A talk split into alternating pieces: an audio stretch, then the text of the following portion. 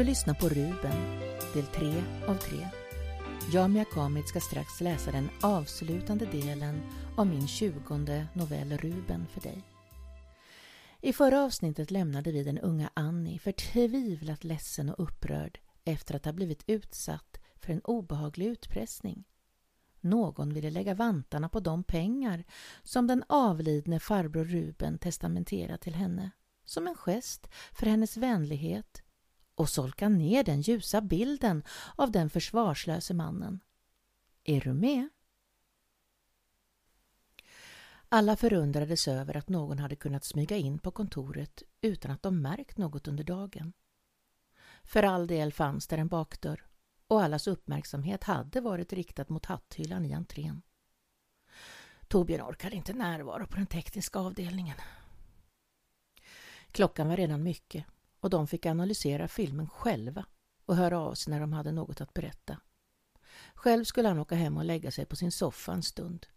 Där tänkte han bäst. 20 minuter över åtta dråsade Torbjörn ner i sin soffa med fjärrkontrollen i handen.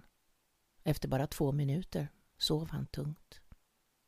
Strax före tio öppnade han ögonen och stirrade ut i rummet. Sen kom signalen. Envist, ihållande, höll någon sitt finger mot hans dörrklocka. Var har du varit hela dagen?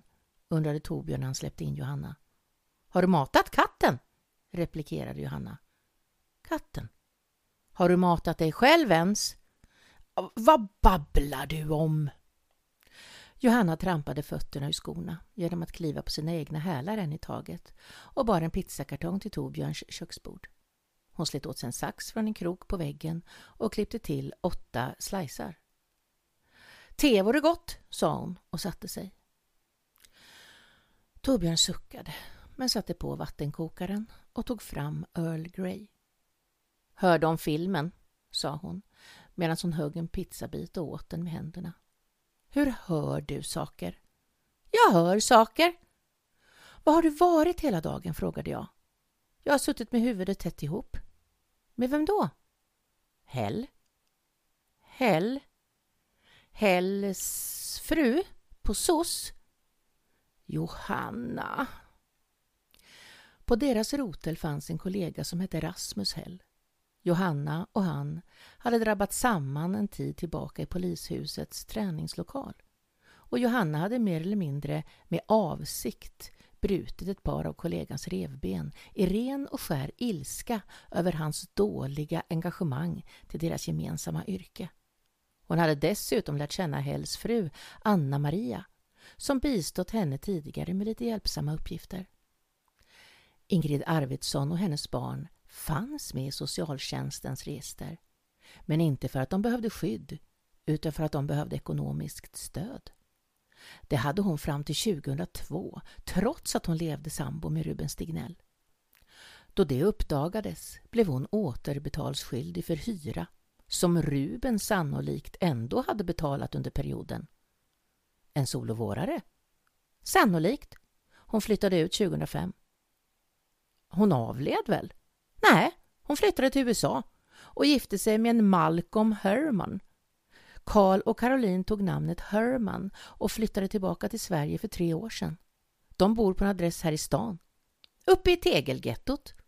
Karl arbetar i en fotoateljé. Fotoateljé? Mm. Och imorgon ska vi åka och träffa Stig på helgonet. Stig? Slöjdlärare Stig Stigge Andersson. Vad har du sysslat med idag då? Stigge Andersson bodde på Birgittagården i folkmun kallat för helgonet. Han var en rullstolsbunden liten korpulent och tunnhårig farbror med ett kraftigt läderband runt ena handleden. Johanna tänkte på tant Signe som också bodde på hemmet och klandrade sig själv för att hon inte tagit med några vinerbröd att muntra upp damen med och kanske några till för att smörja Stig. Nu satt de här med varsin kopp kaffe och några torra citronwafers Avdelningarna var flera och detta var visserligen inte Signes våning men Johanna grämde sig ändå. Stig hade fyllt 81 och han sken upp när Johanna frågade om Ruben. Ruben har jag känt sen Grevgatan, skrockade den gamle. Länge sedan han var här och besökte mig. Det ska han få för, han som har benen kvar och allt. Johanna tittade på Torbjörn och insåg att mannen inte förstått att Ruben var död. Hur lärde du känna Ruben? Avbröt Torbjörn mjukt. Stig berättade allting tre gånger, om inte fyra. Han var helt klart lite dement och inte något tillförlitligt vittne. Om de hade rådfrågat en åklagare. Men det skulle de inte göra. De ville höra om gamla tider och jämföra med det som Annie hade berättat. Som många andra äldre så var de duktiga på långtidsminnet och sämre på korttidsminnet. Stig frågade om och om igen varför Ruben, som var hans bästa vän, inte kom för att besöka honom. De hade vuxit upp i samma kvarter. Ruben på den rika sidan och Stig på den fattigare. Ändå blev de goda vänner och umgick så ofta som det gick. De hade gått till läroverket tillsammans. Stig, de obligatoriska åren och Ruben några till. Han hade tagit studenten minsann. Efter den allmänna värnplikten i flottan hade de i 20-årsåldern tagit lärlingstjänst hos en möbelsnickare. Stig hade sedan blivit slöjdlärare och Stigge med hundratals skolbarn fram till pension. Ruben behövde bara arbeta för sitt höga nöjes skull och snidade fin, fina grejer till societeten. Gifte ni er och skaffade familj sen? undrade Torbjörn. Jag träffade Inga och fick Almar och Siri. Ruben, var det annat med? Annat? Vad håller han hus, Ruben? Det var länge sedan han besökte mig, han som har venen kvar och allt, brukar springa här som en ungdom. Torbjörn och Johanna frågade mer om Inga och barnen för att kasta tillbaka mannen i bekanta minnen igen. Och i samtalet fick de veta att Ruben levt ensam i våningen på Grevgatan ända tills han tillfälligt flyttat till den där kvinnan. Torbjörn och Johanna begrep att det var Ingrid och frågade om de hade fått några barn. Nej, hon hade redan barn, svarade Stig. Kostade Ruben skjortan och han höll på att hamna i klammeri för den där demonens skull. Demonen? Upprepade Johanna. Hon satte klorna i Ruben. Jag begrep aldrig riktigt hur. Han tyckte väl om na, till en början. En himmelsk tur att han inte lät henne flytta in i våningen. Han flyttade till henne och betalade för dem alla. Var de förlovade? undrade Torbjörn. Nej, gubevars, Ruben var inte sån. Det var något annat mankemang, något med pojken. Pojken? Du menar Karl? Nu hänger jag inte riktigt med här Stig, sa Johanna. Ruben och Ingrid hade ett förhållande i alla fall sex år. Överenskommelse. Överenskommelse? Han betalade för pojken. Betalade Ruben för pojken? Ruben, min bästa vän, det var så länge sedan han var här och besökte mig. Alltså var benen kvar och allt. Stig Andersson började slå med höger handrygg i den vänstra handflatan och såg plötsligt arg ut. En sköterska kom genast in i rummet och log vänligt. Stig är nog lite trött nu. Han behöver vila före lunch. Var ni klara eller behöver ni komma tillbaka en annan dag? Tankfulla återvände de till stationen. De sa tysta i egna tankar hela vägen ända tills Torbjörn parkerade utanför polishuset. Då slog Johanna till honom i bröstkorgen och sa Larsson min bäste vän, du som har benen kvar och allt. Äh, skärp dig, sa Torbjörn. Jag tror han var bög, utbrast Johanna. Stig? Nej, Ruben förstås. Torbjörns telefon ringde. Han svarade och satte sig upp som en käpp. Det brinner på Sindris! Två brandbilar stod redan på gatan framför polisernas favoritcafé när de parkerade Torbjörns bil med två hjul på trottoaren. Anna och Sindri stod tätt intill varandra och såg tät rök välla ut ur deras livsverk. Allas blickar stannade på glasdörren till entrén. Det satt en kartongbit upptejpad på rutans utsida. Få er dotter att känna solidaritet, stod det med versaler skrivet med röd spritpenna. De tror att Anna och Sindri är Annis föräldrar, sa Johanna. Vi måste verkligen hitta de där två, viskade Torbjörn och harklade sig. Det var med tunga steg han började gå mot Sindri och Anna. Torbjörn låg i sin soffa och stirrade ut i mörkret. Det var vargtimme och han hade inte fått en blund i ögonen. Annie var inhyst hemma hos Johanna. De ville inte rikta uppmärksamhet mot Annies riktiga föräldrar också. När syskonparet skulle upptäcka sitt misstag visste ingen vad som kunde hända. Det här var en soppa. Nästa morgon satt Torbjörn ensam på rotarens kontor och stirrade frånvarande på sin tomma kaffekopp. I köket var det ingen som satt på nytt kaffe och plastkuben på bordet som brukade innehålla små torra kakor var tom. Torbjörn kände sig rastlös och irriterad och ringde ytterligare en gång till Johannas mobil för att höra vart hon höll hus någonstans. Röstbrevlåda. Han tog sin jacka och åkte till hennes lägenhet. Han tog en rejäl omväg för att slippa passera Sindris. Det var ett elände. Det var Annie som öppnade dörren efter att Torbjörn gjort sig till känna i brevinkastet. Johanna hade en tvårumslägenhet på tredje våningen och det låg saker överallt. Kläder, tidningar, handdukar med mycket mera huller om buller. Det var på intet sätt grisigt eller smutsigt, bara stökigt. Torbjörn kunde se att Johanna hade ett vackert hem där under alla saker. De skulle bara organiseras på sin rätta plats. Hon arbetade för mycket. Han frågade Annie om hon visste vart Johanna var och han kunde se att flickan blev förvånad att hon inte dykt upp på jobbet. Så hon åkte aldrig till jobbet idag som hon sa? frågade Annie skyggt. Nej, och telefonen är avstängd. Jag har inte heller något jobb att gå till. Nej, Anna och Sindri måste vara förkrossade. Annie slog händerna för ansiktet och Torbjörn ångrade sina ord. Det är mitt fel, snyftade hon. Nej, det kan du ju inte säga. Tillfälligheter kan ingen lastas för. Vem kunde ha anat? De tror att det är mina föräldrar. Därför ska du stanna här, sa Torbjörn. Men jag borde kanske åka hem till min egen lägenhet. Du borde nog avvakta ett par dagar till, envisades Torbjörn. De känner säkert till den adressen och vi behöver dig här för att eh, försöka få kontakt med syskonparet. De har inte fått det som de vill ha än. Ska jag ge dem pengarna? sa Annie. Nej, det menade jag inte. Men de har kanske mer rätt till dem än jag. Jag kände egentligen inte Ruben. Torbjörn höjde på ögonbrynen. Kanske du bättre än någon. Och det var det han tyckte om. Annars fanns ju bara hans barndomsvän. Stigge? Så ni känner till honom? Ja, Stig Andersson. Vi har pratat med honom. Har ni? Känner du honom? undrade Torbjörn. Nej. Ruben har berättat om honom, jag trodde inte...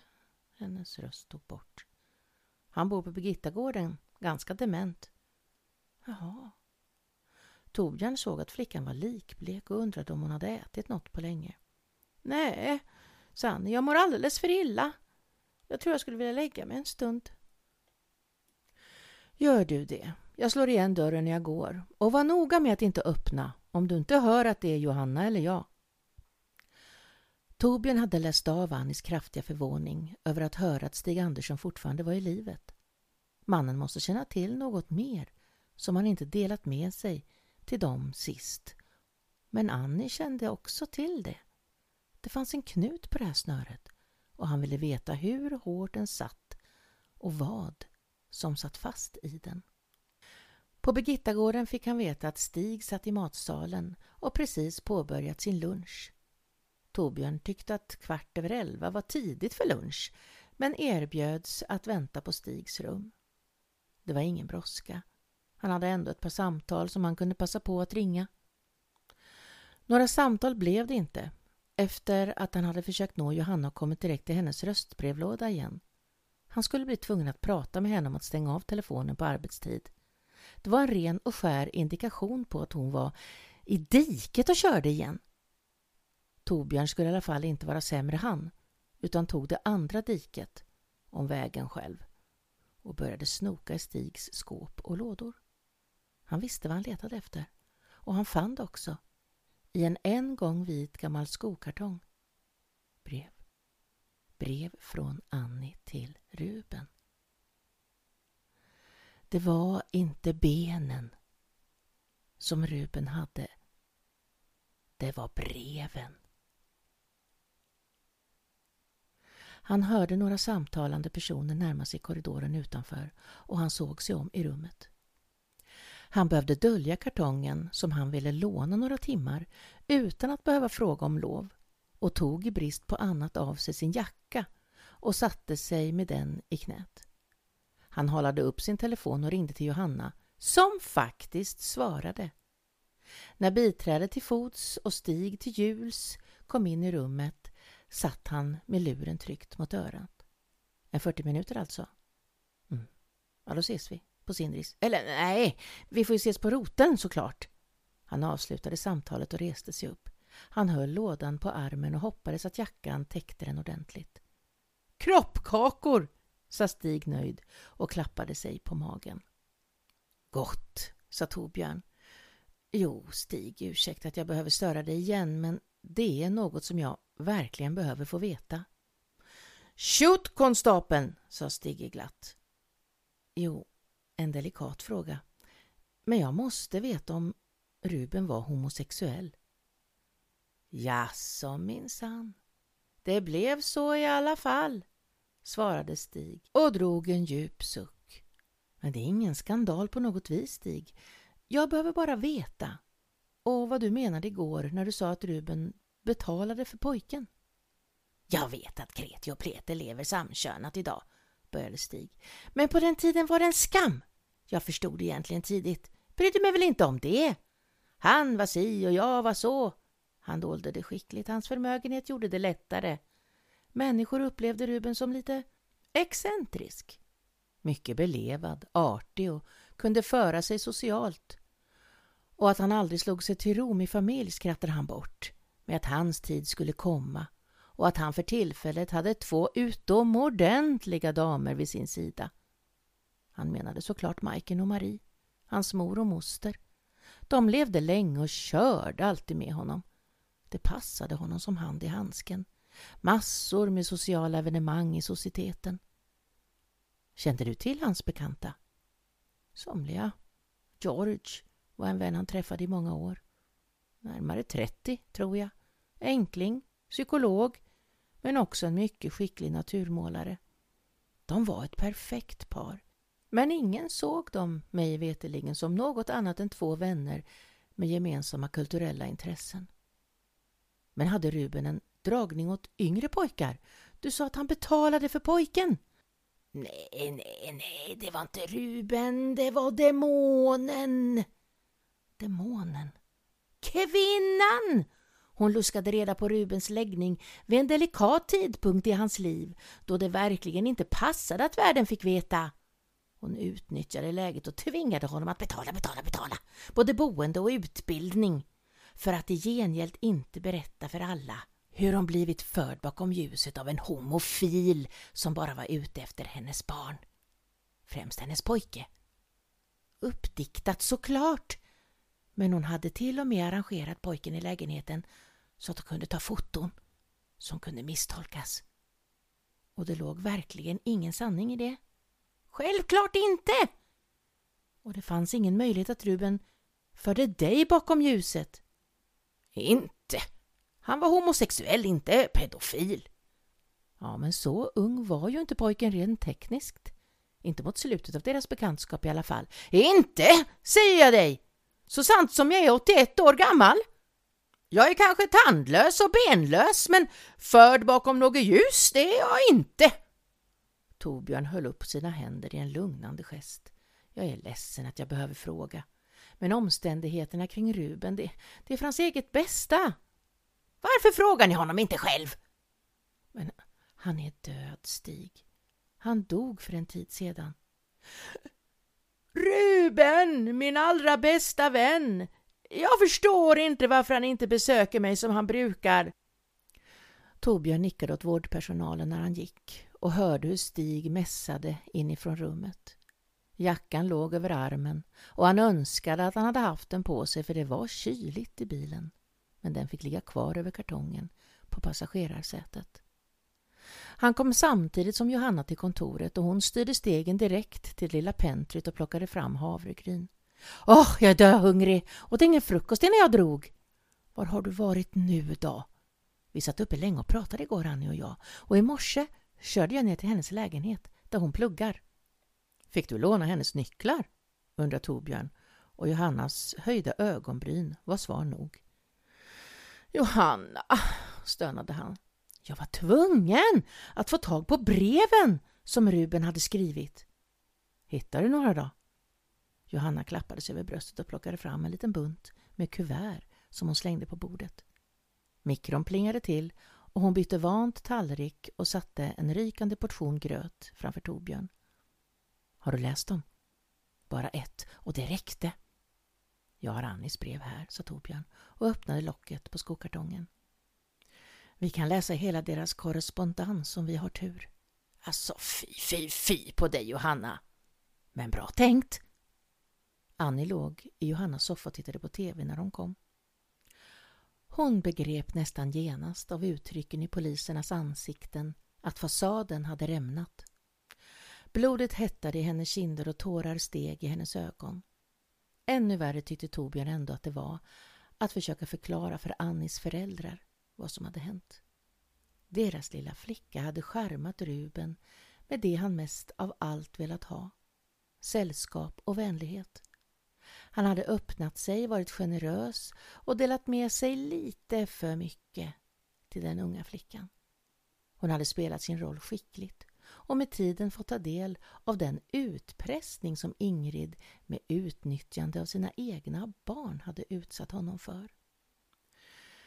Annie hade förmått honom ge henne pengar, först till studier och annat som en fattig stackars student behövde och till sist fört in honom på tanken att testamentera sin förmögenhet till henne.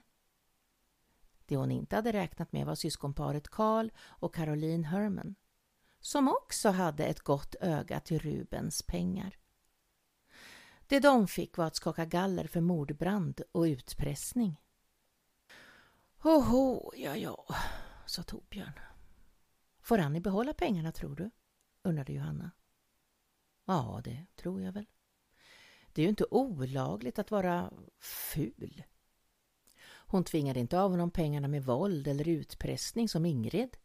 Han var trots allt vid sina sinnen.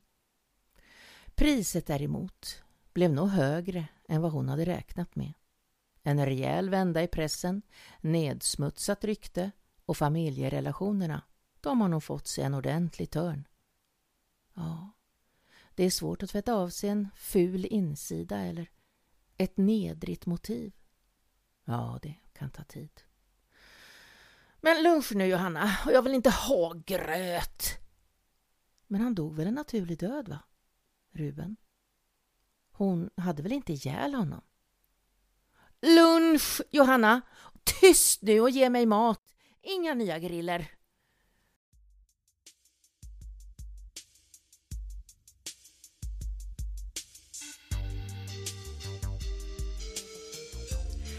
Tack för att du har lyssnat.